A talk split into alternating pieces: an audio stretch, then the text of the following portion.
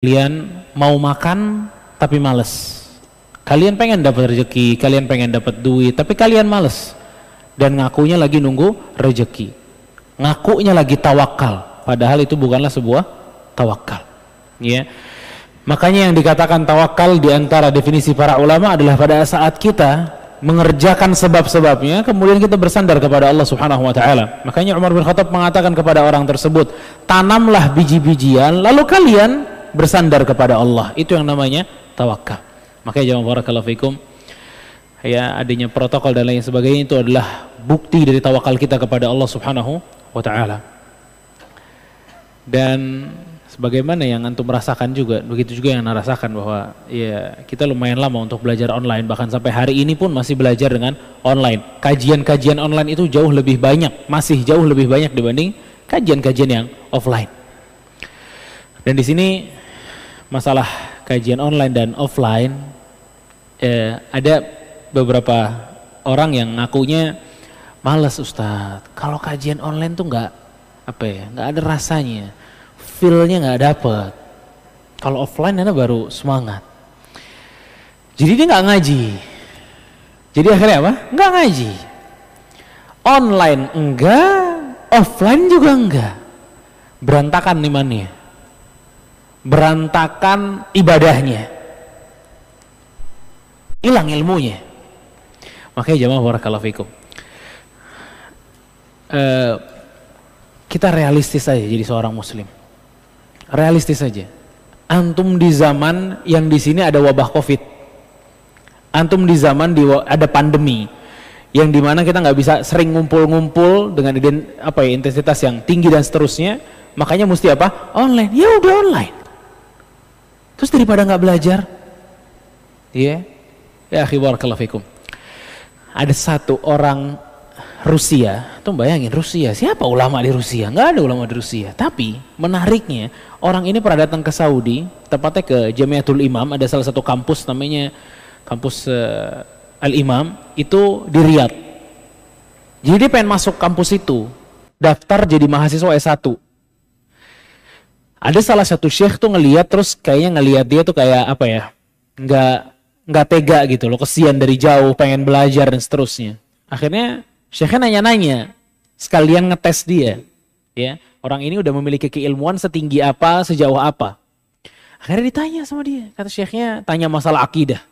Jawabannya memuaskan masalah akidah. Tanya masalah fikih jawabannya memuaskan masalah fikih. Tanya masalah tafsir jawabannya memuaskan semua ditanya, ditanya semua jawabannya memuaskan. Sampai kata syekhnya, ente jujur, belajar sama siapa di Rusia? Kok jawabannya seperti ini?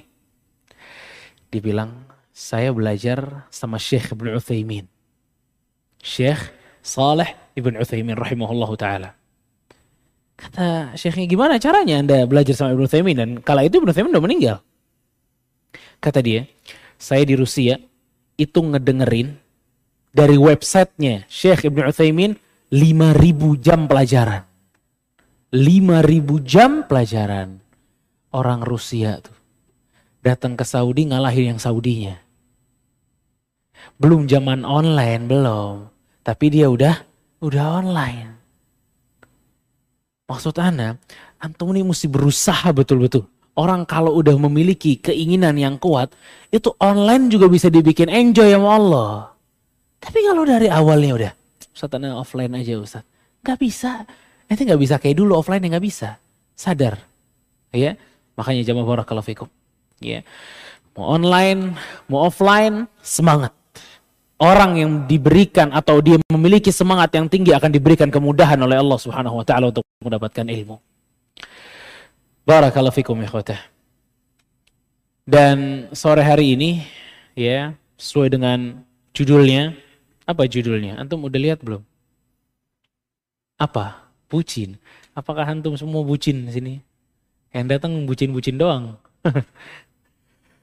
uh, sebenarnya permasalahan ini ya, budak cinta, bucin, ini nama yang berbeda-beda aja di setiap zaman ya. Dari zaman dulu udah ada. Ya, dari zaman dulu udah ada. Bahkan Al-Imam Ibnu Al-Qayyim rahimahullahu taala ya, dan para ulama yang lainnya mereka sering banget menamakan hal yang seperti ini. cinta buta, gejolak cinta yang luar biasa dengan nama al-ishq. Ain shin qaf, al-ishq. Banyak bertebaran di buku-buku para ulama, ya. Dan kalau kita lihat definisinya, ciri-cirinya, ya bucin, ya, yang lagi viral nih, ya. Insya Allah di sini antum bucin apa enggak nih?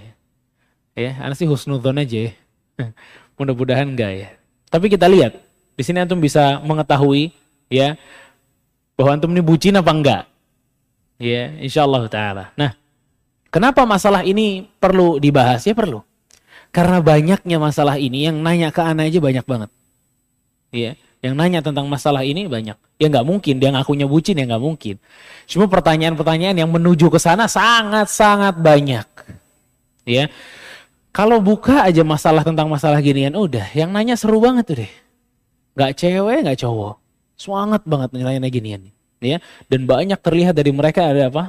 Ada yang namanya al-ishq. Ya. Situ ada perempuan ya, nangis-nangis bilang mau bunuh diri. Bilang kenapa mau bunuh diri? Dia ditinggalin sama gebetannya. La haula wala quwata illa billah segitu beratkah gitu loh. Sampai mau bunuh diri nih. Bunuh diri. Mending bunuh diri masuk sorga. Kalau bunuh diri masuk neraka, lebih sakit daripada ditinggalin sama gebetannya. Ya. Makanya jangan barakallahu fikum ini masalah-masalah seperti ini banyak banget. Ya.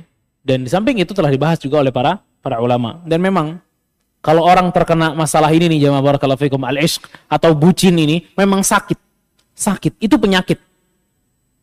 Ya, dimabuk cinta, dimabuk asmara itu penyakit. Syekhul Islam Ibn Taimiyah rahimahullah itu beliau mengatakan wal ishq maradun nafsani. Al ishq bucin tuh itu adalah penyakit. Subhanallah. Penyakit. Makanya kalau antum pengen lihat penjelasan permasalahan al-ishq atau bucin ini antum kembali kepada kitabnya Al-Imam Ibnu Qayyim rahimahullah taala Ad-Da' wa Dawa penyakit dan obatnya. Emang penyakit ini? Penyakit, virus. Bahaya nggak? Bahaya. Mirip sama COVID, bahaya. Benar, bahaya. Dan itu bakal dengar bahayanya seperti apa. Ya. Yeah. Dan ada satu ulama salaf ya. Dia ini sangat mengerti sekali tentang virus yang satu ini nih, virus al-ishq. Virus bucin ini membahayakan banget untuk jiwa seseorang. Sampai dia tuh pernah nyender di Ka'bah gitu ya. Gelantungan di kiswahnya Ka'bah sampai bilang Allahumma arhamul asyiqin. Ya Allah, rahmati itu orang-orang yang bucin-bucin itu ya Allah. Wa'atuf alaihim. Lembutlah sama mereka ya Allah. Kuatkan hati mereka. Bayangin. Sampai di, didoakan. Bahkan pada saat orang salaf ini, namanya Abu Sa'ib ini mendoakan itu, orang-orang tanya, kenapa berdoa untuk mereka? Untuk para bucin-bucin itu kenapa didoain? Kata beliau, doain mereka itu lebih baik daripada umroh dari Ji'ranah. Doain mereka tuh, ya, yang kena penyakit al-ishq, penyakit bucin ini, asmaranya keluar biasa, mabuk cinta, cinta buta dan lain sebagainya, itu lebih baik doain mereka daripada Anda berumroh dari Ji'ranah. Bayangin tuh. Saking bahayanya penyakit ini. Bahkan kata Syekhul Islam Ibn Taimiyah rahimahullahu taala beliau bilang bahwa penyakit yang satu ini al-ishq kalau penyakit ini tambah parah ya, penyakit ini tambah parah maka akan lebih berpengaruh kepada badan. Bahkan sampai kepada akal seseorang. Makanya penyakit ini dapat melemahkan hati dan badan seseorang. Bisa melemahkan apa? Hati dan badan seseorang. Bahaya memang. Ya. Nah, jamaah barakallahu fikum. Sebenarnya kalau kita bicara tentang al-ishq itu sendiri, ya, itu banyak bermacam-macam. Tapi yang kita, yang Anda pengen bahas di kesempatan sore hari ini tentang masalah bucin ini hanya salah satu jenis aja. Yang itu yang paling banyak terjadi. Yaitu namanya al-ishqus suwar bahasa Arabnya itu. Al-ishqu suwar. Al-ishqu suwar itu perasaan ya antara seseorang dengan orang lain cewek sama cowok misalnya. Atau cowok sama cewek. Ya. Ini kena al-ishq al-ishq mungkin atau tidak? Sangat mungkin. Ya. Dan ini aja yang kita kita bahas. Karena ada al-ishq yang apa namanya yang diperbolehkan dan lain sebagainya. Ya. Nah ini al-ishq ya di antara satu laki-laki asing dengan perempuan yang asing. Ini yang bakal kita bahas. Karena apa? Karena kasusnya paling banyak ini yang mau nikah nggak jadi ya masih pada asing-asing gitulah ya nah ikhwata barakallahu jadi yang akan kita bahas itu adalah mereka yang selalu memikirkan orang tersebut padahal itu masih belum halal buat dia. Yang selalu menyebut-nyebut si dia padahal si dia itu belum halal buat dia. Yang kalau disebutin nama si fulan atau si fulana bergetar hatinya. Kayak orang mukmin kalau dengar Quran pada bergetar, dia dengar si dia itu bergetar. Ya. Ini orang-orang ya rela melakukan apa pun, apa pun. Yang penting si dia bahagia. Walaupun mesti menerjang aturan Allah subhanahu wa ta'ala. nggak peduli. Yang penting si dia bahagia. Ini kalau udah kayak begini nih jamaah barakallahu fikum. Antum masuk dalam kategori apa? Bucin. Al-ishqsuar yang dikatakan oleh para ulama ini penyakit. Karena hal ini al-ishq atau bucin yang sampai derajat ini, ini keburukannya banyak. Salah satu keburukannya adalah selalu menjadikan seseorang tersibukkan dari zikir kepada Allah Subhanahu wa taala. Dari mengingat Allah Subhanahu wa taala. Dia sibuk mikirin kekasihnya, dia sibuk mikirin gebetannya, sampai nggak zikir kepada Allah. Dia nggak jarang banget ingat Allah Subhanahu Wa Taala. Kenapa? Karena dia cinta. Jamaah barakallahu fikum, gak usah dibohongin. Orang kalau cinta itu pasti disebut-sebut terus, nggak mungkin nggak. Antum mungkin di sini jamaah barakallahu fikum yang udah memiliki anak, pasti kalau ngobrol tuh atau lagi diam aja mikirinnya anaknya. Ingat-ingat anaknya. Antum yang baru nikah di sini, pasti kalau lagi diam mikirin istrinya, mikirin pasangannya. Kenapa? Lagi cinta. Makanya barakallahu fikum. Pada saat seseorang itu memiliki rasa cinta yang begitu besar sama gebetannya, ya. Ini menjadikan dia ngingat dia terus, kekasihnya terus. Sampai akhirnya dia tidak mengingat Allah Subhanahu wa taala. Ini keburukannya. Dan juga keburukan yang kedua, tersiksanya hati tersiksa hati. Karena kalau antum mau lihat-lihat kenapa hal ini bisa terjadi, si bucin-bucin ini, ya, itu karena dia tuh pengen memiliki gitu loh. Dia sangat ingin memiliki. Tapi fakta berkata yang lain. Tapi takdirnya beda. Makanya hatinya tersiksa banget. Udah nyolong-nyolong nih ke Nurim biar kelihatan. Gak datang ternyata perempuannya. Hatinya tersiksa hatinya tersiksa. Ya. Yang ketiga kata para Ibnu Qayyim rahimahullahu taala, selain hatinya tersiksa, hatinya terpenjara. Wah, ini berat nih. Hatinya apa? Terpenjara. Dan penjara hati itu lebih parah daripada penjara badan. Kalau badannya yang doang yang dipenjara, itu nggak separah hatinya yang dipenjara. Ini hatinya dipenjara, nggak bisa ke mana-mana. Makanya Ibnu Qayyim rahimahullahu taala beliau mengatakan, antum suka lihat kalau di pasar tuh ada burung yang diwarna-warnain, kecil-kecil yang buat mainan anak-anak. Itu anak-anak kalau beli burung yang udah ada kandang yang kecil gitu, warnanya ada yang ungu, ada yang biru segala macam, dia bawa main tuh. Ya, bawa main, dia lari-larian itu burungnya gedebak, gedebuk, gedebak, gedebuk. Burungnya sakit di dalam tuh. Itu orang bucin tuh. Dia tuh hatinya terpenjara. Tapi yang lagi menjarain dia nggak tahu bahwa dia tersiksa. Antum suka sama perempuan. Ya. Dan antum selalu sedih. Karena kalau si akhwat itu ngupdate status itu bukan tujuannya ke antum tapi ke si Abdullah, bukan ke antum. Antum pegel banget aduh bukan gue nih. Iya kan? Padahal tuh perempuan tuh nggak nganggep antum itu lagi di penjara sama dia, enggak. Antum terpenjara sendiri. Sakit makanya. Makanya yang penjara juga nggak tahu kan bahwa dia lagi menjarain hati antum. Kayak penjara hati itu berat. Temennya bilang, ini anak ada akhwat nih antum kenalan deh. Enggak ya akhi, Waduh, tolak lagi, tolak lagi, di penjara hatinya, berat sendiri. Makanya ini keburukan bucin ini menyiksa luar biasa. Ya. Yang keempat keburukan dari al-ishq atau bucin ini kata Imam Ibnu Qayyim rahimahullah taala menyibukkan dirinya dari perkara agama dan dunia. Kalau orang udah masuk penyakit ini, pasti akan tersibukkan dari perkara agama dan dunianya. Agama dan dunianya. Kalau kerja tuh nggak konsen, kalau sholat nggak khusyuk. Kalau kerja nggak konsen, kalau sholat apa? Nggak khusyuk. Kalau antum lagi bucin di sini, ngaji di sini, tapi pikiran ke dia. Itu salah satu cirinya. Iya. Makanya Ibnu Qayyim rahimahullah taruh ini. Karena itu dapat menyibukkan seseorang dari perkara agama dan dunianya. Ya. Ada satu namanya Barirah di zaman Rasulullah SAW. Barirah. Barirah itu dulu budak dari Aisyah radhiyallahu anha. Dia punya suami namanya Mughith. Cerai. Yang apa? Yang gugat cerai itu si Barirah, perempuan yang udah nggak mau. Kamu tahu keadaan Barirah sama Mughith ini. Jadi itu Bariroh jalan, itu Mughith di belakangnya. Si sang suami itu di belakangnya. Nangis saja sambil ngeliatin Bariroh. Ya Allah. Kata Rasulullah SAW kepada Ibnu Abbas itu, Ya Ibnu Abbas, ala ta'jabu min fulan. Ibnu Abbas, kamu nggak aneh tuh. Ngeliat cintanya Mughith kepada Bariroh. Dan bencinya Bariroh kepada Mughith. Ya, itu si Mughith nangis-nangis gara-gara apa? Cinta. Padahal tuh roh jalan tuh gara-gara benci.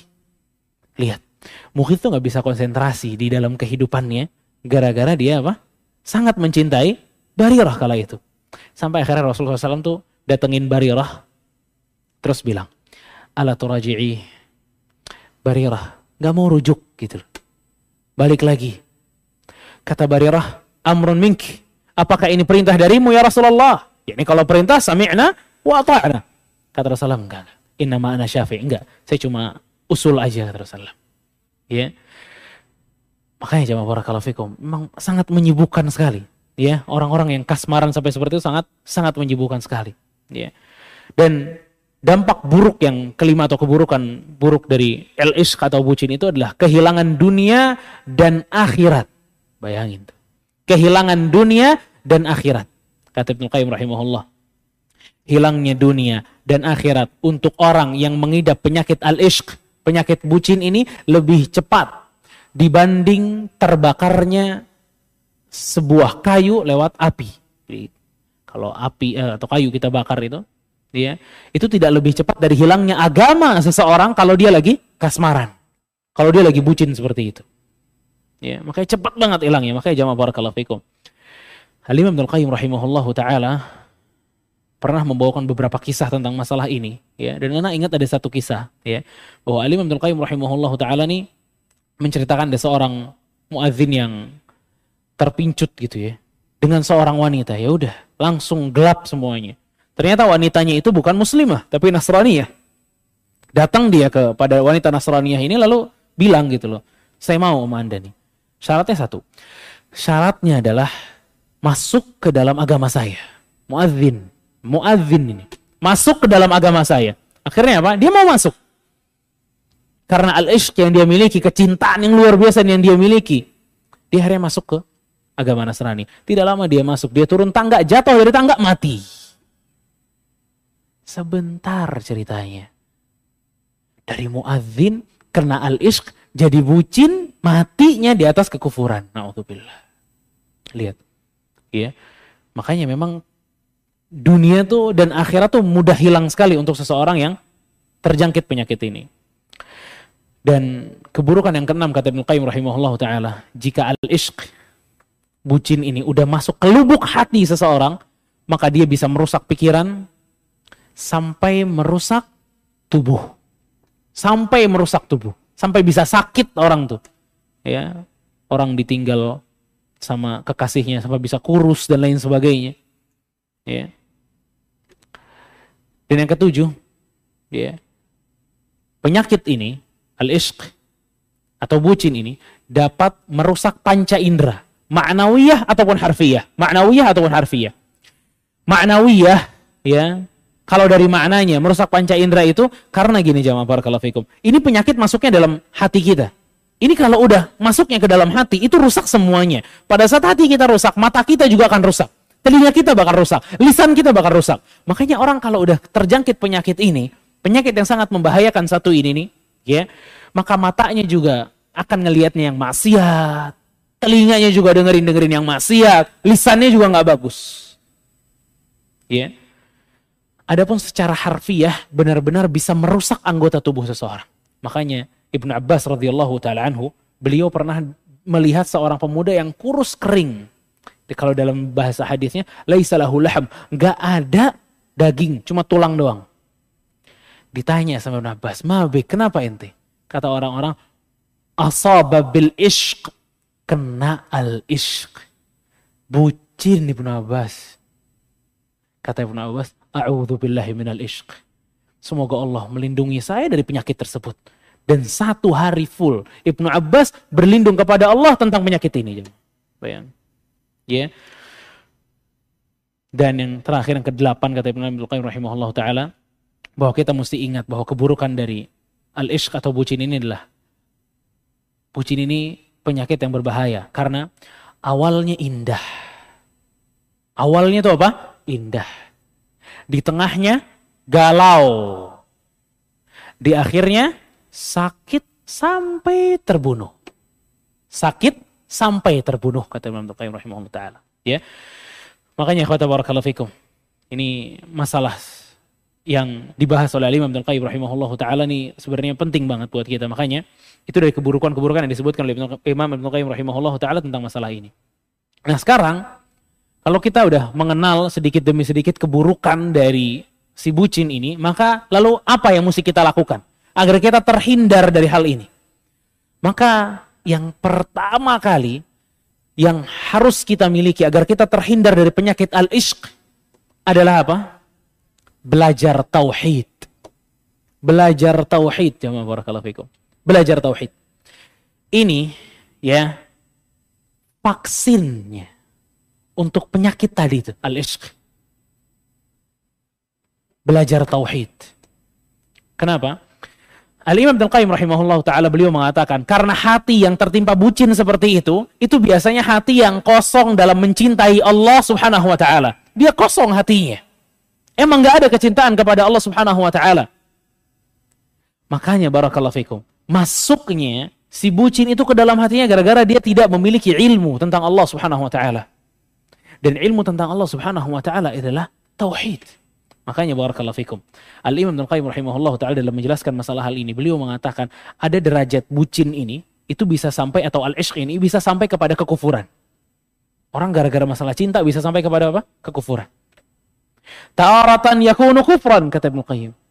Kadang nih kasus dari bucin ini sampai kepada kekufuran. Kapan? Kapan sampai bisa jadi kekufuran? Seperti menjadikan orang yang ia cintai sebagaimana ia mencintai Allah dia cintai kekasihnya, itu kayak dia cintai Allah Subhanahu wa taala.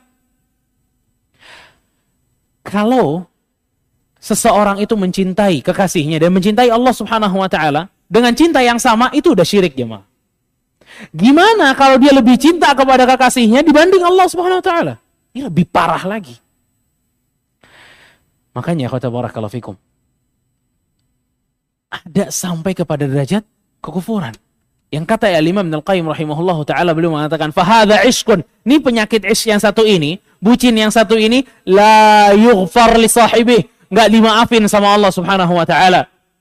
Di fa innahu min a'zamu syirk karena syirik dalam masalah cinta itu adalah syirik terbesar. Bahkan Ibnu Qayyim rahimahullah taala mengatakan apa? Aslu syirik. Dasar dari kesyirikan itu dasar dasarnya apa? Syirik masalah cinta. Dia cinta kepada Allah, dia cinta juga sama yang lain sesuai dengan cintanya dia kepada Allah Subhanahu wa taala. Dia karena jamaah barakallahu fikum. Karena ibadah itu juga berasal dari apa? Cinta. Karena antum cinta dengan rahmatnya Allah, makanya ibadah. Karena antum cinta dengan ridhonya Allah, makanya ibadah. Karena cinta kepada Allah, makanya ibadah dan seterusnya. Makanya syirik juga seperti itu. Aslu syirik kata Al-Imam Ibnu Qayyim rahimahullah adalah gara-gara syirik masalah ibadah. Ya, dan sebagaimana kita tahu lah, syirik ini dosa yang nggak diampuni oleh Allah Subhanahu wa taala. Allah Subhanahu wa taala berfirman dalam surat An-Nisa ayat 48. Allah mengatakan dalam surat An-Nisa ayat 48, "Innallaha la yaghfiru an yushraka bih wa yaghfiru ma duna dzalika liman yasha." Allah mengatakan sesungguhnya Allah tidak akan mengampuni orang-orang yang menyekutukan Allah dengan dan mengampuni dosa-dosa yang lainnya. Makanya jemaah barakallahu fikum. Uh, tauhid ini ya ternyata memang pas untuk obat berbagai macam penyakit. Tauhid itu sangat pas untuk menjadi obat untuk berbagai macam penyakit. Hatta penyakit masalah bucin sekalipun itu bisa diobati dengan apa? Tauhid. Makanya kalau orang memiliki tauhid yang baik, ya, maka dia sangat sulit untuk terjangkit penyakit al-ishq atau bucin ini. Karena dia tahu siapa yang mesti dia cintai. Karena dia tahu kadar mencintai seseorang itu seperti apa. Makanya barakallahu fikum. Al-Imam Qayyim rahimahullah taala mengatakan kapan seseorang itu dikatakan bahwa cintanya itu sampai kepada derajat kesyirikan dan kekufuran. Pertama kata Ibnu Qayyim rahimahullah, pada saat dia mendahulukan kekasihnya dibanding Allah. Dia mendahulukan kekasihnya dibanding Allah. Yang kedua, jika berbenturan antara Allah Subhanahu wa taala, antara haknya Allah dengan hak orang yang dia cintai ini, maka dia lebih mendahulukan orang yang ia cintai, maka ini termasuk kepada syirik yang tadi. Atau cinta yang masuk ke dalam kategori kesyirikan. Ya. Hak-hak Allah subhanahu wa ta'ala dijadikan nomor dua, sedangkan hak-hak yang ia cintai dijadikan nomor pertama. Ya. Lebih mementingkan keridhaan orang yang ia cintai dibanding keridhaan Allah subhanahu wa ta'ala. Lebih mementingkan keridhaan orang yang dia cintai dibanding keridhaan Allah subhanahu wa ta'ala. Ya, dia sangat cinta kepada orang tersebut sampai akhirnya ridhonya dia yang di yang apa ya dicari banget gitu loh. Ya. Emang ini masalah bucin ini berat ya barakallahu fikum. Wallah, apalagi orang yang udah kena. Ya. Ada orang yang mungkin kalau disuruh ibunya tolong beliin air di warung depan. Berat banget. Coba Aisyah yang WhatsApp. Mas, minta tolong dong beliin roti misalnya. Padahal rumahnya di mana nih? Blok M. Aisyah itu rumahnya di Tanjung Priuk. Enggak apa-apa, bismillah kata dia. ya. Itu itu orang tua gitu loh. Dia lebih mementingkan keridhaan siapa? Yang penting Aisyah bahagia. Ya. Enggak apa-apa jauh, ya. Hujan, naik motor, enggak apa-apa. Yang penting Aisyah dapat roti. Udah itu aja. Ya. Makanya yang keempat kata Ibnu Qayyim ciri-cirinya adalah orang yang bucin ini bisa sampai kepada derajat kesyirikan dan seterusnya adalah berjuang. Dia berjuang untuk orang yang ia cintai mati-matian. Dan kalau berjuang untuk Allah, sekedarnya. Kalau berjuang untuk Allah apa? Sekedarnya. Tapi berjuang untuk orang yang ia cintai mati-matian berjuang. Ya, mati-matian berjuang. Dan yang kelima, kata Ibnu Qayyim rahimahullah ciri-cirinya memberikan rasa tunduk, patuh kepada orang yang ia cintai. Sebagaimana ia memberikan rasa tunduk dan patuhnya kepada Allah Subhanahu wa taala. Kalau si siapa lagi contohnya? Aisyah nih bilang, ya. Bang, potong jenggot lah. Sami'na wa ata'na Aisyah. Kami dengar, kami taat Aisyah. Bismillah, set hilang jenggotnya ya. Ini memberikan rasa tunduk dan patuh subhanallah. Ya. Atau begitu juga yang akhwat, yang perempuan juga sama. Ya. Si cowoknya bilang, ayolah kita foto bareng. Nanti Anda masukin ke IG Ana. Ya. Sami'na wa ta'na bang. La hawla wa la quwata illa billah. Ya. Jadi dia memberikan rasa tunduk dan patuh kepada makhluk sebagaimana mereka memberikan rasa tunduh dan patuh patuh kepada Allah Subhanahu wa taala fala ilaha illallah ya makanya akhwat barakallahu fikum Allah Subhanahu wa taala berfirman dalam surat Al-Baqarah ayat 165 dalam surat Al-Baqarah ayat 165 Allah mengatakan wa minan nasi man yattakhidhu min dunillahi andadan yuhibbunahum kahubbillah walladzina amanu asyaddu hubban lillah. Kata Allah Subhanahu wa taala, di antara orang-orang ada yang menjadikan tandingan-tandingan untuk Allah itu dan mereka cintai berhala-berhala tersebut. Tandingan-tandingan untuk Allah itu mereka cintai. Namun kata Allah, walladzina amanu asyaddu hubban lillah. Tapi orang-orang yang beriman itu cintanya lebih besar kepada Allah dibanding cintanya orang musyrik kepada Tuhan-tuhan mereka. Dari sini kita bisa mendapatkan faedah bahwa surat Al-Baqarah 165 itu memang dimasukkan dalam kitab tauhid dalam masalah cinta kepada Allah Subhanahu wa taala ya bahwa ada orang-orang yang cintanya mereka kepada berhala-berhala mereka itu sama kepada cinta mereka kepada Allah Subhanahu wa taala. Dan Allah di sini ngabarin, orang mumin enggak? Orang mumin cintanya sama Allah tuh besar, melebihi cintanya kepada yang lain. Makanya jamaah barakallahu fikum. Salah satu ciri ahli tauhid adalah cintanya dia kepada Allah Subhanahu wa taala. Dia cinta sama Allah Subhanahu wa taala. Cinta yang diikut sertakan dengan pengagungan kepada Allah Subhanahu wa taala. Dan ini kita nggak bisa pungkiri ya barakallahu fikum. Orang kalau udah cinta, maka dia pasti taat. Ya. Makanya dalam syair itu mengatakan, kalian mengatakan, aku cinta kepada Allah. Aku cinta kepada Allah. Namun kalian orang yang paling jauh dari ketaatan kepada Allah. Orang nggak mungkin. Kalau dia cinta sama seseorang itu pasti udah paling nurut tuh deh. Karena dia cinta. Disuruh apa aja mau. Makanya bukti dari cinta kita kepada Allah Subhanahu wa taala itu bukan di status. Bukan di status ya barakallahu fikum. Tapi bagaimana taat kita kepada Allah Subhanahu wa taala? Sama. Cinta kepada orang tua begitu sama. Waduh, ini masya Allah kalau cinta kepada orang tua, anda yakin semua di sini juga mengaku kecintaan kepada orang tua begitu besar. Tapi kadang suruh ngambilin air aja, berarti luar biasa. Padahal dia cuma lagi ngapain? Lagi main handphone doang. Marah-marah, ngedumel, ya. Tapi besok ditulis di status, I love you mom. I love you mom. Air tuh beliin tuh. Ya, jadi apa sih indahnya status kalau nggak ada praktek di kita? Karena Allah subhanahu wa ta'ala itu nggak bakal menilai dari status. Tapi Allah subhanahu wa ta'ala menilai dari amalan kita. Makanya untuk cari di Quran itu nggak ada ceritanya Allah akan akan menilai kita ya dari ilmu yang kita miliki enggak tapi dari amal yang kita kerjakan udah bima kuntum ta'malun kata Allah apa yang kalian kerjakan kita udah hadir di pengajian kita tahu nih ini nggak boleh ini boleh yang ditanya sama Allah bukan catatan kitanya, tapi amal kita yang kita ditanya oleh Allah Subhanahu wa taala. Makanya jawab barakallahu fikum, ilmu itu wasilah untuk amal. Ilmu itu tangga kita untuk masuk kepada amal. Jangan dijadikan tujuan kita ilmu. Dijadikan tujuan kita datang ke pengajian itu ya, biar saya punya catatan ilmu yang banyak, ya. Tujuan kita adalah mengamalkan apa yang telah kita catat. Ini tujuan kita untuk pengajian. Ya. Makanya kata barakallahu fikum, makanya Allah Subhanahu wa taala surat Al-Baqarah 165 itu mengingatkan kepada kita bahwa orang-orang beriman cintanya kepada Allah tinggi. Makanya dalam hadis Rasul sallallahu alaihi wasallam itu sampai mengatakan an yuhibbal mar'u la yuhibbuhu illa lillah. Seseorang itu tidaklah mencintai orang yang lain kecuali karena Allah. Kecuali karena Allah. Tambah orang ini taatnya, kesolehannya meninggi, ya, memuncak, maka cinta kita kepada dia juga semakin memuncak. Pada saat dia bermaksiat, ya, maka turun juga cinta kita seiring turunnya keimanan orang tersebut. Ya. Nah, barakallahu fikum ikhwatah. Di antara hal yang perlu kita perhatikan selain kita belajar tauhid, ya, yang kedua kata Al Imam Abdul Qayyim rahimahullah adalah ghaddul basar. Jaga pandangan. Jaga pandangan. Ya.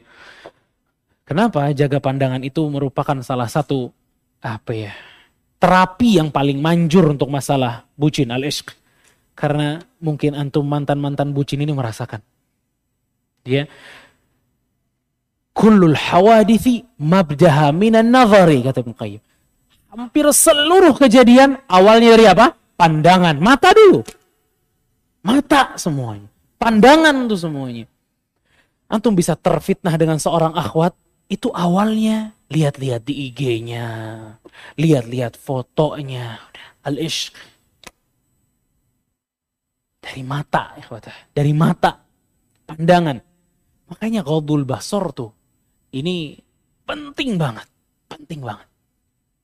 Dalam surat An-Nur, Allah Jalla wa ala mengatakan ya sampai ayat 30 sama sama ayat 31 Allah Subhanahu wa taala berfirman Qul lil mu'minin katakan kepada orang-orang mukmin yaghuddu min absarihim jaga tuh mata-mata mereka jaga penglihatan mereka kata Allah. Wa yahfadhu furujahum jaga kemaluan-kemaluan mereka dzalika azka lahum karena itu lebih suci untuk mereka Innallaha khabirun bima yasna'un. Ingat, Allah paling tahu apa yang kita lakukan. Wa kullil mu'minin. Nih, kita semua. Laki-laki, kata Allah, jaga pandangan. Jaga pandangan. Kalau kita bisa menjaga pandangan, wallah hati kita akan diberikan cahaya oleh Allah Subhanahu wa taala. Al-Imam Ibn Qayyim rahimahullah menuliskan lebih dari kalau tidak salah sembilan faedah singkat tentang ghadul basar, menjaga pandangan. Apa saja manfaatnya dan seterusnya. Karena antum mesti tahu jamaah barakallahu fikum, korelasi mata dengan hati ini kuat, kuat banget. Kalau mata kita biasa dipakai untuk maksiat, itu korelasi ke hati luar biasa besar. Hati kita juga rusak, rusak, gelap, cahayanya hilang. Kalau udah cahayanya hilang, jangan berharap ilmu bakal masuk. Ilmu yang bermanfaat nggak bakal masuk. Amal berat. Bahkan sampai nggak bisa diamalin tuh ilmu. Kenapa? Hati rusak. Salah satu hal yang menjadikan hati kita rusak tuh gara-gara mata. Mata. Dan jamaah barakallahu fikum wallah. Ini, ini nih, mungkin semua dari kita bawanya cuma di kantong. Kita nggak perlu bodyguard untuk bawain HP kita, nggak perlu enteng. Bahkan di sini juga aneh kan ada yang handphone yang MP2. Wallahi, ini barang yang enteng ini sekarang kita bawa bisa jadi paling berat di hari kiamat buat kita. Wallah. Bisa jadi paling berat di hari kiamat buat kita. Khairuk wa. Ini bisa bikin ente baik, bisa bikin ente buruk. Semuanya bisa. Maka kalau nggak pinter-pinter pakai HP, internet, hancur lebur, berantakan. Maka cerdas kita. Ini nih, ini, ini barang yang cuma segini aja nih, ya. Kalau kita nggak bisa pakainya, habis waktu kita, habis, nggak bermanfaat. Apa game yang lagi in apa game yang di HP itu? Lupa nah. Udah antum jangan pura-pura lah apa namanya? Apa? Apa? PUBG, PUBG. Terus Mobile Legend sama PUBG? Mobile Legend, PUBG.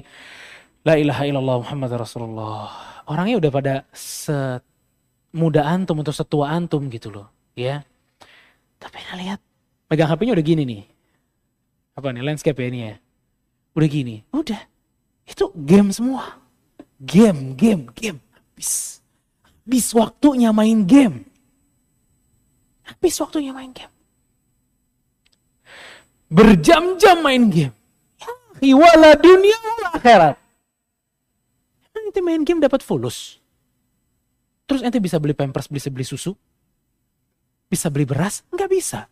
Habis main game berjam-jam segala macam tutup gamenya. Aduh pemerintah nih nutup-nutup nih semuanya. Lu nggak kerja-kerja. Ente yang main game lulu, kelelep sama nikmat yang satu ini. Makanya cerdas. Batesin atau tinggalin. Batesin atau tinggalin. Kalau antum gak bisa batesin, waktu ini tinggalin. Tinggalin jamaah. Wallahi ini berat banget buat kita. Berat. Berbahaya buat kita. Ya. Dan urusan ghadul basar di sini yang paling berat. Antum kita pakai peci jamaah jadi jenggotan, baju koko. Ngelihat akhwat mah nggak enak, nunduk dong kalau di Nurim. Nunduk ya akhi gaji. Ada akhwat lewat. Coba di sini. Di kamar, nggak ada orang. Siapa nih? Waduh, terus berjam-jam.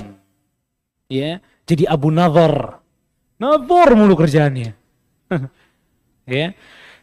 Makanya jangan barakallahu fikum. Ghaddul basar tuh penting. Wallah. Laki-laki kalau nggak ghaddul basar berantakan kehidupannya. Apalagi yang udah punya istri. Antum nggak bakal pernah bisa ngelihat istri antum cantik kalau antum nggak ghaddul basar. Nggak bakal bisa. Kurang, kurang, kurang, jelek, jelek, jelek. Ghaddul basar. Allah jaga tuh istri antum, Allah jaga pandangan antum, istri antum cantik. Cantik jamaah. Makanya barakallahu fikum.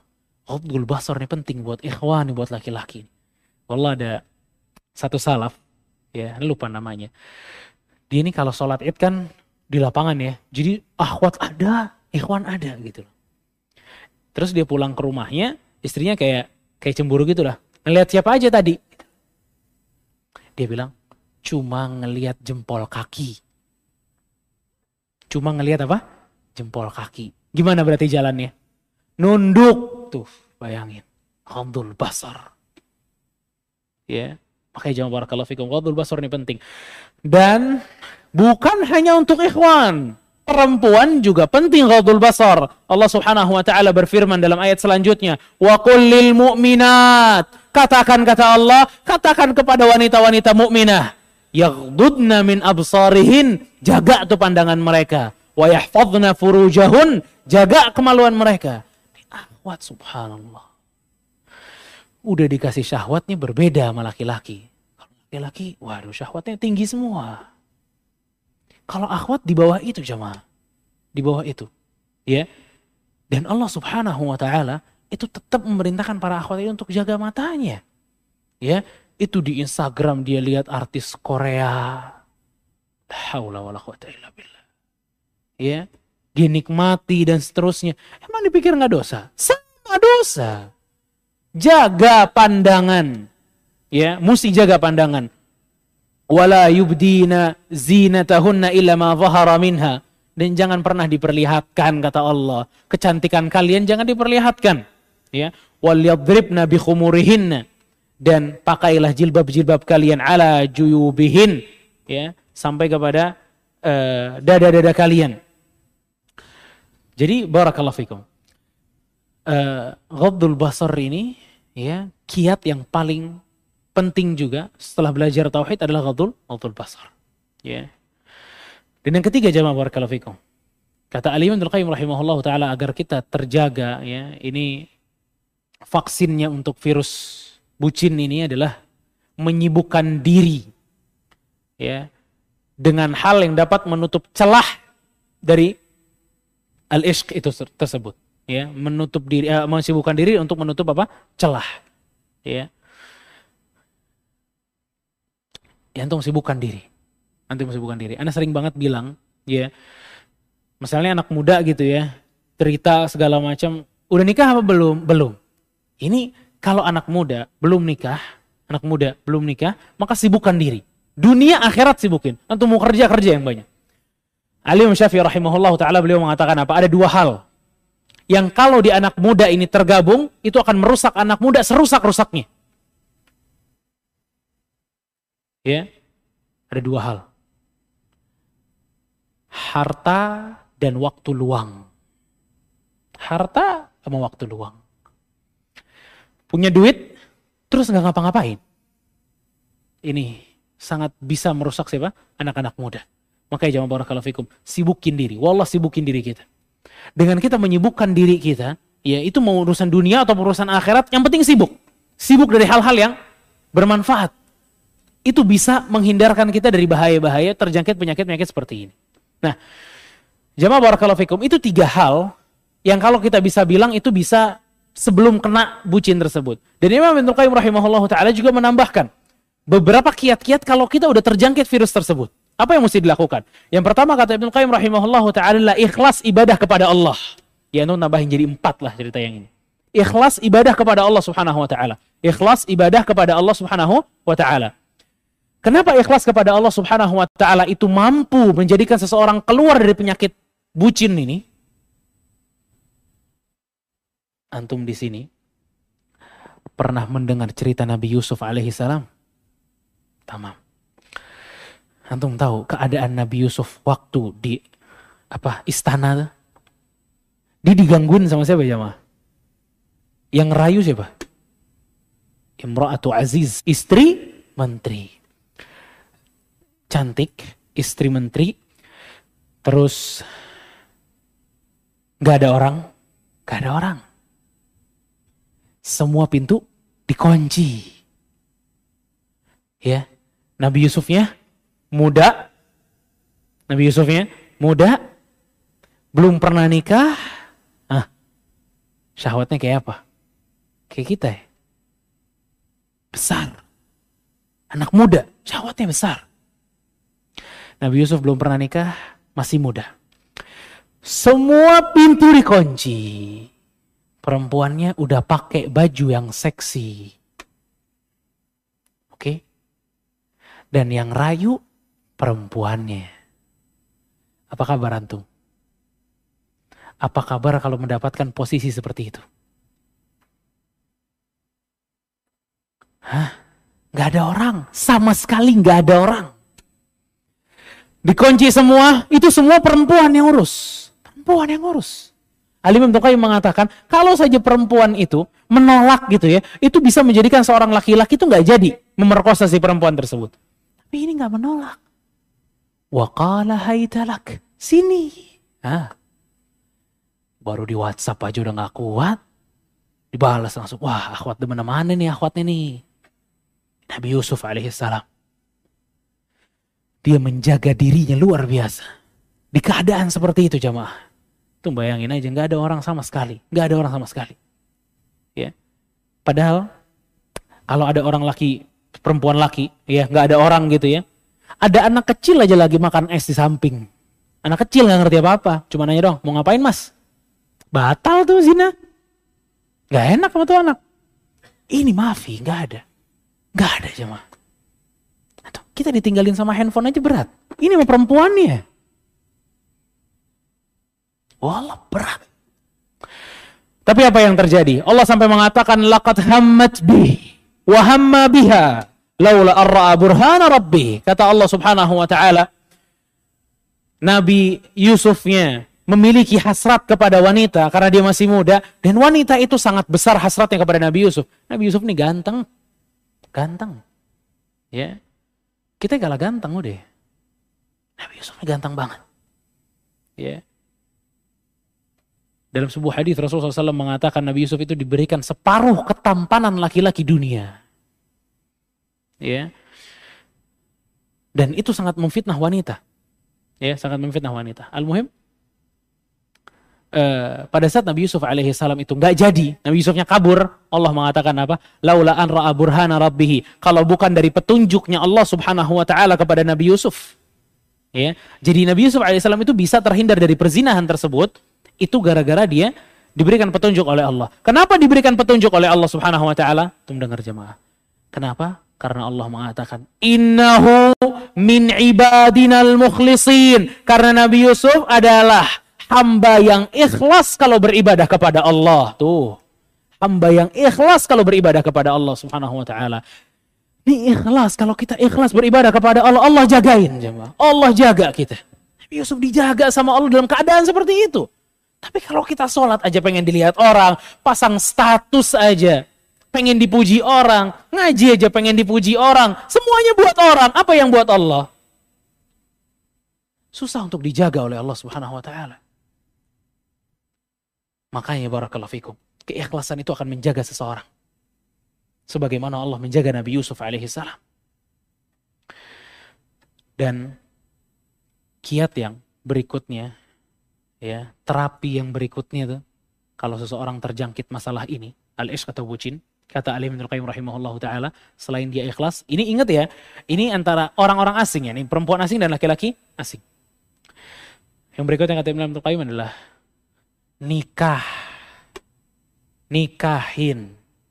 Kalau udah perbucinan sampai seperti itu, nikahin.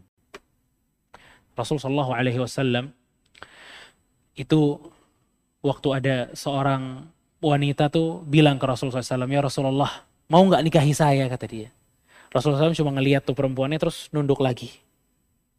Kemudian ada seorang sahabat mengatakan, ya Rasulullah kalau engkau tidak menginginkan dia dia engkau nikahi dia, fazawijniha, nikahi saya sama dia. Ini cowok udah lihat nih. Udah demen nih. Ya. Kata Rasulullah SAW, Mada indak, punya apa? Gak punya apa-apa ya Rasulullah.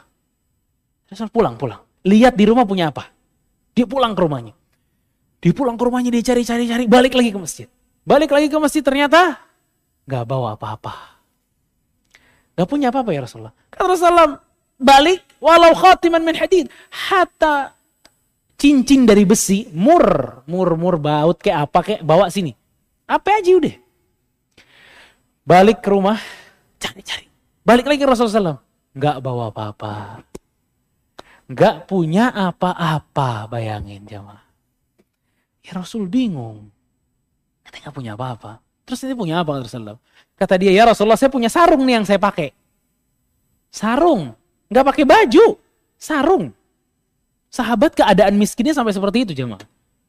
Ada yang cuma punya bawahan aja udah. Sarung ya Rasulullah. Biar saya belah dua sarungnya. Separuh buat dia sebagai mahar, separuh buat saya. Kata Rasulullah nggak bakal bermanfaat kata Rasul. Ya, itu separuh ente nggak bisa buat nutupin aurat, dia juga nggak bisa buat nutupin auratnya. Bayangin tuh, miskinnya seperti itu jemaah. Akhirnya terdiam Rasulullah SAW, anak orang anak muda ini juga terdiam udah. Tapi bahaya, al ishq kecintaan udah ada tuh. Dia udah pengen nikah sama wanita itu. Sampai akhirnya Rasulullah SAW tuh diberikan wahyu oleh Allah Subhanahu Wa Taala. Kemudian Rasul nanya, siapa tadi yang mau nikah mana orangnya? Saya ya Rasulullah, orang ninjuk itu. Terus kata Rasulullah SAW, uh, Mada indak? Jadi apa yang kalian uh, Anda punya di hafalan-hafalan Al-Quran. Saya punya surat ini, surat ini, surat ini, surat ini, surat ini, kata dia. Jadi dia memiliki beberapa hafalan surat. Kata Rasul Shallallahu Alaihi Wasallam, zawajtuka. Aku telah menikahkan anda dengan mahar hafalan Quran tersebut dengan wanita itu. Lihat Ya, sampai akhirnya terakhir hafalan Quran. Udah yang ada itu nikah pakai itu. Lihat tuh. Saking bahayanya apa? Al-ishq nantinya. Makanya dalam Sunan Ibnu Majah Rasul sallallahu alaihi wasallam itu mengatakan, "Lam nara lil mutahabbaini mislan nikah." Saya tidak pernah melihat ada sebuah ikatan atau jalan keluar untuk dua orang yang nikah seperti pernikahan. Dua orang yang saling menyukai kecuali apa? Pernikahan. Makanya jawab barakallahu fikum, ya. Kalau antum udah sama-sama suka, nikah. Nikah. Karena itu bakal bisa menjaga menjaga diri kita. Nah sekarang nih ada kasus-kasus ya, ada kasus-kasus uh, yang bikin kita nggak bisa nikah. Cewek, cowok, tapi nggak bisa nikah. Macam-macam lah kasusnya. Mungkin dia cuma pembantu, tapi yang dia sukain anak majikannya, ya, atau dia nggak punya uang dan seterusnya. Kata Al Imam Ibn Al Qayyim rahimahullahu taala, yang itu penting untuk dengar ini. Dan ini buat semua laki-laki nih. Biasanya urusannya ke laki-laki terus nih. Kalau antum udah demen sama satu anak perempuan, tapi antum nggak mampu nikahin dia. Kata Ali Abdul Qayyim rahimahullahu taala, kalau dia nggak bisa ya menikah, maka kata Ibnu Qayyim rahimahullahu taala berputus asa. Berputus, berputus asa. Udah, emang ente nggak bisa nikah sama dia. Selesai. Bayangin tuh. Ini salah satu terapinya kata Ibnu Qayyim rahimahullah taala. Move on. Mesti move on. Antum udah gak sanggup nikahin dia buat apa lagi? Kalau orang udah merasa, udahlah, emang dia bukan jodoh gue nih. Udah, dia bakal beristirahat perasaannya tuh. Bakal tenang perasaannya. Ya, karena dia mesti sadar. Pada saat dia bilang dia nggak mampu dan dia tahu dia nggak mampu untuk menikahi, putus asa udah, udah. Nanti lagi, jodohnya beda lagi. Ya. Dan hal ini penting jamaah barakallahu fikum. Ya, ada orang maksa-maksain sampai akhirnya pacaran bertahun-tahun. Ngapain? Ngapain, wal? Pacaran tuh nggak bisa bikin karakter seseorang keluar, nggak bisa. Nggak bisa. Belum ada kewajiban. Nanti kalau udah ada kewajiban, kewajiban baru kelihatan karakternya seperti apa. Ya, makanya move on. Kalau antum nggak mampu move on udah selesai. Putus asa aja, bukan jodoh antum. Ya, bukan jodoh kita. Nah, Kata Ibnu Qayyim rahimahullah. Yang berikutnya, kalau itu juga nggak mempan, kata Ibnu Qayyim. Ya, maka kita pakai cara yang berikutnya. Cara akal aja. Cara akal. Itu yang Anda inginkan yang atau Anda ya, yang Anda cintai itu itu nggak mungkin menjadi pasangan Anda. Ya.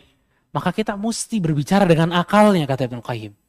Bahwa Anda ini seperti orang yang obses sama matahari. Obsesnya sama siapa? Matahari. Kalau cerita, duh, gue pengen ke matahari deh bukan matahari ini pakaian-pakaian gitu, bukan. Matahari beneran. Gue pengen ke matahari deh. Apa yang kita katakan kepada orang tersebut? Gila. Masa orang ke matahari? Nah, kata Ibnu Qayyim rahimahullah, bucin ini memang sampai ada yang masuk kepada cabang kegilaan. Gila. Ya. Maka di sini kata Imam Ibnu Qayyim rahimahullah taala kita sadarin dia bahwa dia jadi gila gara-gara itu. Ya, jadi gila gara-gara gara-gara hal tersebut. Dia obses banget sama wanita tersebut. Dan yang berikutnya kata Alim Ibnu Qayyim rahimahullah taala, kalau nggak mempan juga, hal tersebut nggak mempan juga, maka lihat lihat efek buruk ke depan dari rasa syahwat tersebut. Sekarang dia menyimpan rasa ini. Dia simpan, dia simpan, dia simpan. Gimana efek buruknya buat dia nantinya? Dia bakal sakit hati, nggak konsen sholat, nggak konsen kerja, dan seterusnya. Kalau dia ingat efek-efek buruk ini, ya, ini bisa jadi terapi buat dia untuk melupakan orang tersebut. Ya. Dan yang lain kata Imam Qayyim rahimahullah taala, kalau masih nggak mempan juga, ya, maka cari keburukan orang tersebut. Lihat. Cari keburukan orang tersebut. Karena kalau kita mengetahui keburukan orang tersebut, maka itu adalah dorongan kita untuk membenci orang tersebut. Jadi nggak cinta-cinta banget. Karena itu penting untuk kita, barakallahu fikum, yang terkena penyakit penyakit-penyakit ini, ya, maka mesti seperti itu. Karena apa? Kata Ibnu Qayyim rahimahullah taala bahwa bucin ini salah satu penyebabnya apa sih? Dia tuh rasa ingin memilikinya besar. Padahal nggak mesti terjadi. Apa yang anda inginkan untuk dimiliki nggak mesti terjadi. Maka kata Alim Ibn Qayyim rahimahullah ta'ala cari keburukannya. Agar kita mendapatkan apa? Salah satu alasan untuk tidak mencintainya. Ya, untuk tidak untuk tidak mencintainya. Dan yang terakhir kata Alim Ibn Qayyim rahimahullah ta'ala kalau masih tidak mempan juga tuh terapi-terapi yang tadi, maka jujurlah kembali kepada Allah, berdoa kepada Allah agar kecintaan itu dihilangkan. Ya. Salah satu doa yang Anda pikir cocok untuk masalah ini adalah doa dari Sunan Tirmidzi Rasulullah SAW mengatakan dalam doanya, Allahumma inni bika min syarri sam'i. Ya Allah, aku berlindung kepadamu dari keburukan pendengaranku. Wa min syarri basari dan keburukan penglihatanku wa min syarri lisani dan keburukan lisanku wa min syarri qalbi dan dari keburukan hatiku wa min syarri maniyi dan dari buruknya atau keburukan maniku. Lima hal yang dimintakan oleh, Allah, oleh Rasul SAW Allahumma ini a'udhu bika min syarri sam'i. Ya Allah aku berlindung kepadamu dari keburukan pendengaranku. Wa min syarri basari dari keburukan penglihatanku. Wa min syarri lisani dari keburukan lisanku. Wa min syarri qalbi dari keburukan hatiku. Wa min syarri maniyi dan dari keburukan maniku ya berdoa ini kepada Allah Subhanahu wa taala semoga kita dilindungi dari penyakit-penyakit yang berbahaya seperti al-ishq ini barakallahu fikum semoga bermanfaat jemaah sekalian Wassalamualaikum warahmatullahi wabarakatuh. Ini Anda coba buka pertanyaan-pertanyaan yang udah masuk. Maghrib berapa menit lagi nih? Hah? 12. Tamam.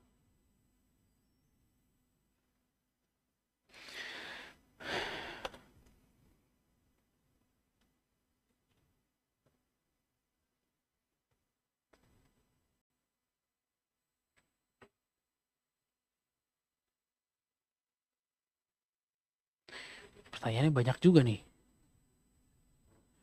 Ini deh, apakah boleh bucin kepada pasangan yang halal? Jawabannya boleh. Boleh. Dibatasi ya, maksudnya tidak sampai kepada bucin tadi yang saya sebutkan itu sampai melebihi kecintaan dia kepada Allah Subhanahu wa taala. Ya, pengagungan, kepatuhan, ya, itu di atas kepatuhan kepada Allah Subhanahu wa taala itu nggak boleh. Adapun cinta, ya, kasmaran kepada pasangan yang halal boleh. Boleh. Ya. Rasul Shallallahu Alaihi Wasallam itu cinta banget sama Khadijah.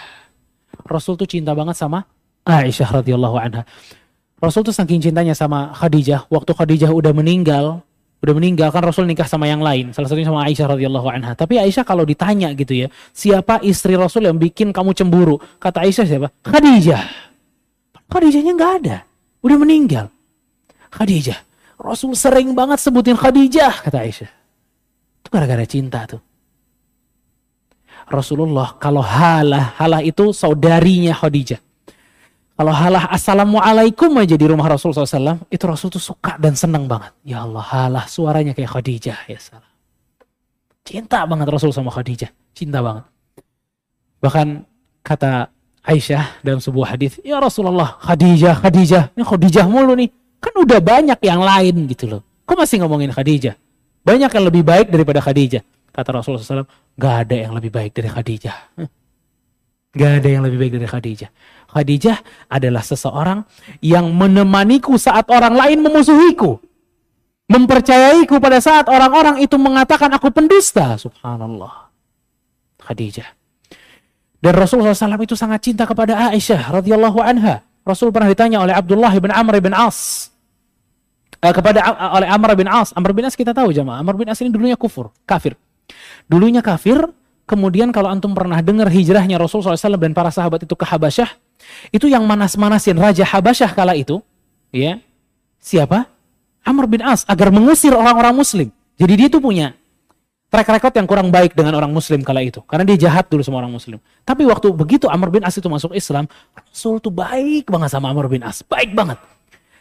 Pernah digandeng tangannya sama Rasul SAW. Sampai Amr bin As tuh bahasa kita kayak GR banget gitu loh. Ya Rasul baik banget, padahal gue punya track record yang kurang baik sama orang muslim. Sampai tuh Amr bin As bilang, ya Rasulullah, siapa orang yang paling anda cintai siapa ya Rasulullah? Amr bin As ngarep dia yang disebut. Siapa ya Rasulullah? Abu Bakar, uh, kata Rasul SAW, Aisyah. Aisyah. Oh enggak ya Rasulullah, bukan perempuan. Yang laki-laki, kata Abuha, bapaknya, Abu Bakar. Oh, Abu Bakar. Siapa lagi ya Rasulullah? Fulan. Siapa lagi ya Rasulullah? Fulan. Siapa lagi? Nama dia nggak disebut-sebut. Ya, sampai kata Amr bin As udahlah, anak nggak nanya lagi. Nama anak paling belakang ternyata. Ya, tapi itu kecintaan Rasulullah SAW sama teman-temannya itu sampai nggak ketahuan gitu loh bahwa ternyata teman-temannya ngerasa bahwa dia yang paling dicintai. Ya, tapi di situ Rasulullah SAW mengatakan siapa orang yang paling dicintai siapa ya Rasulullah? Aisyah. Itu cinta Rasulullah SAW sama Aisyah. Ya, dan bahkan kemesraan-kemesraan Rasulullah SAW di rumahnya itu ada dalam beberapa hadis ya ada dalam beberapa hadis. Makanya jangan barakallahu fikum. Sampai Umar bin Khattab aja waktu memberikan tunjangan kepada istri-istri Rasul Shallallahu alaihi wasallam, Aisyah itu dilebihin sama Umar. Kenapa? Innaha habibatu Rasulillah sallallahu Ini adalah kecintaannya Rasul sallallahu alaihi wasallam. Ya. Jadi bucin-bucinan sama yang halal nggak apa-apa. Ya, tadi kan Anda bahas itu yang belum halal. Yang belum halal. Kalau yang halal nggak apa-apa. Ya, ini mungkin menjawab beberapa pertanyaan yang lain.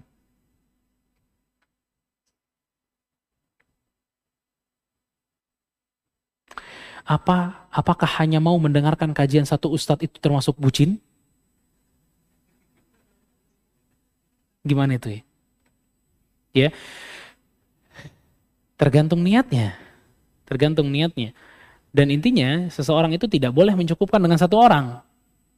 Ya. Tidak boleh mencukupkan dengan dengan satu orang. Dia mendengarkan kajian-kajian ustadz-ustadz yang ustadz yang lain. Mungkin satu konsen kepada yang itu rutinnya sama ini ustadz ya. Ini boleh, nggak ada masalah. Ya, karena manfaat yang diberikan. Bukan gara-gara kita cinta, akhirnya al-ishq, melihat ustadznya terus. Ini memang bahaya nih, ya, masalah ini.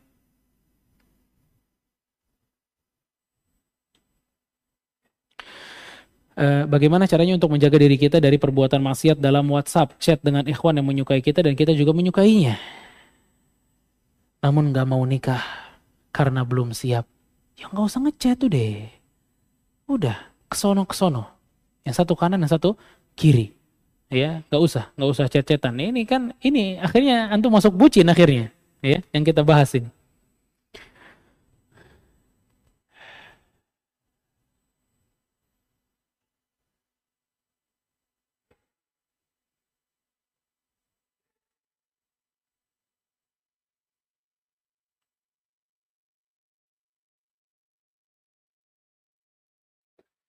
Wah pertanyaan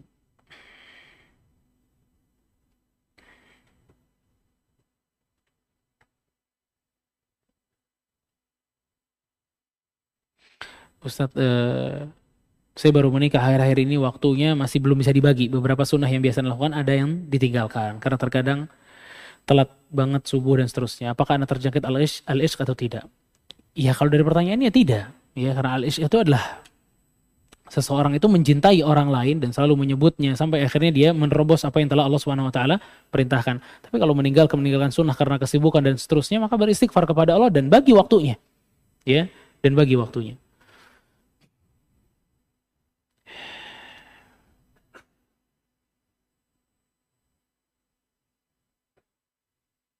Uh, bukankah cinta itu fitrah? Lalu bagaimana membedakannya?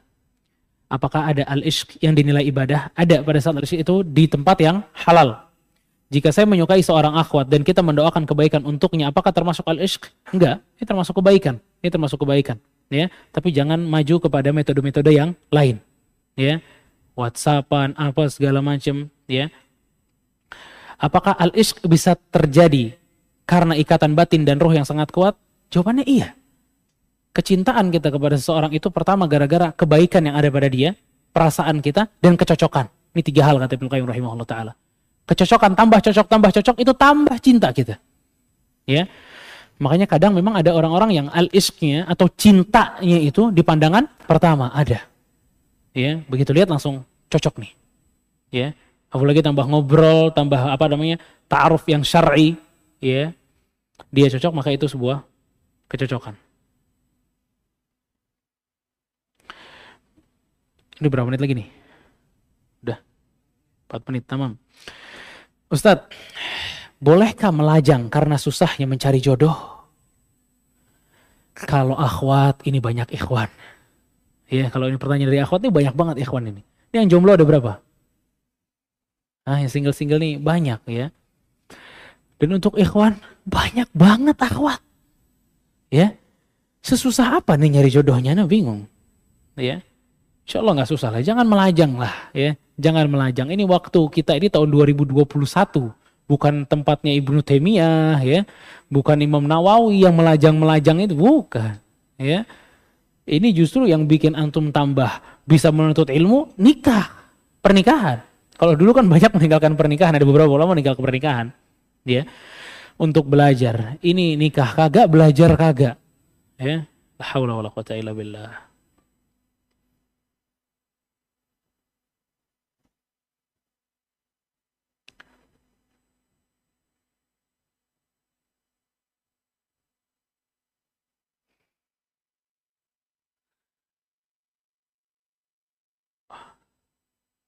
Tanyanya banyak jamaah nih. Ini lagi baca, masuk lagi, masuk lagi nih.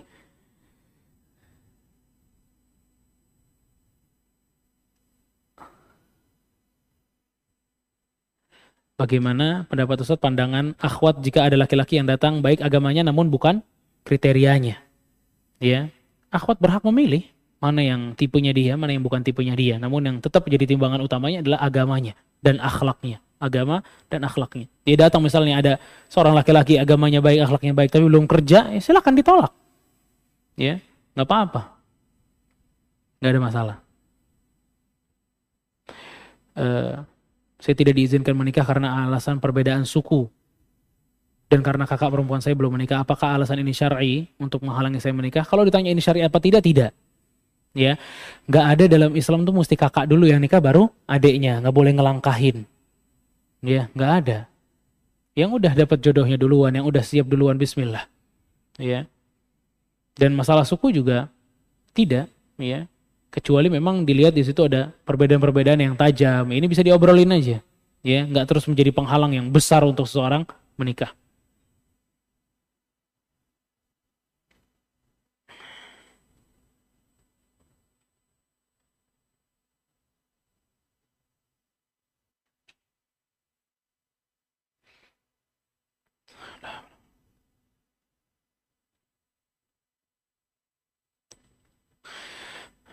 Ini terakhir aja ya. Bagaimana kalau suami masih suka chatting dengan teman-teman kerja lawan jenis dengan alasan tidak mau memutus silaturahmi? Modus apa enggak? ya, kalau saran Anda udahlah. antum laki-laki, anak juga laki-laki.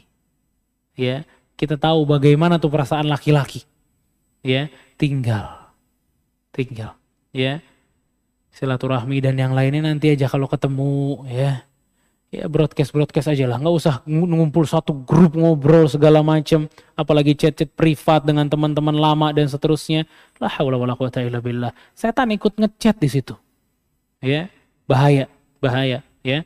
Semoga Allah Subhanahu wa taala melindungi kita semua dari virus-virus mulai dari al-ishq, bucin, covid dan semua virus-virus dan semoga Allah Subhanahu wa taala memberikan kita kesehatan hati dan badan dan semoga apa yang telah saya sampaikan bermanfaat. Wassalamualaikum warahmatullahi wabarakatuh.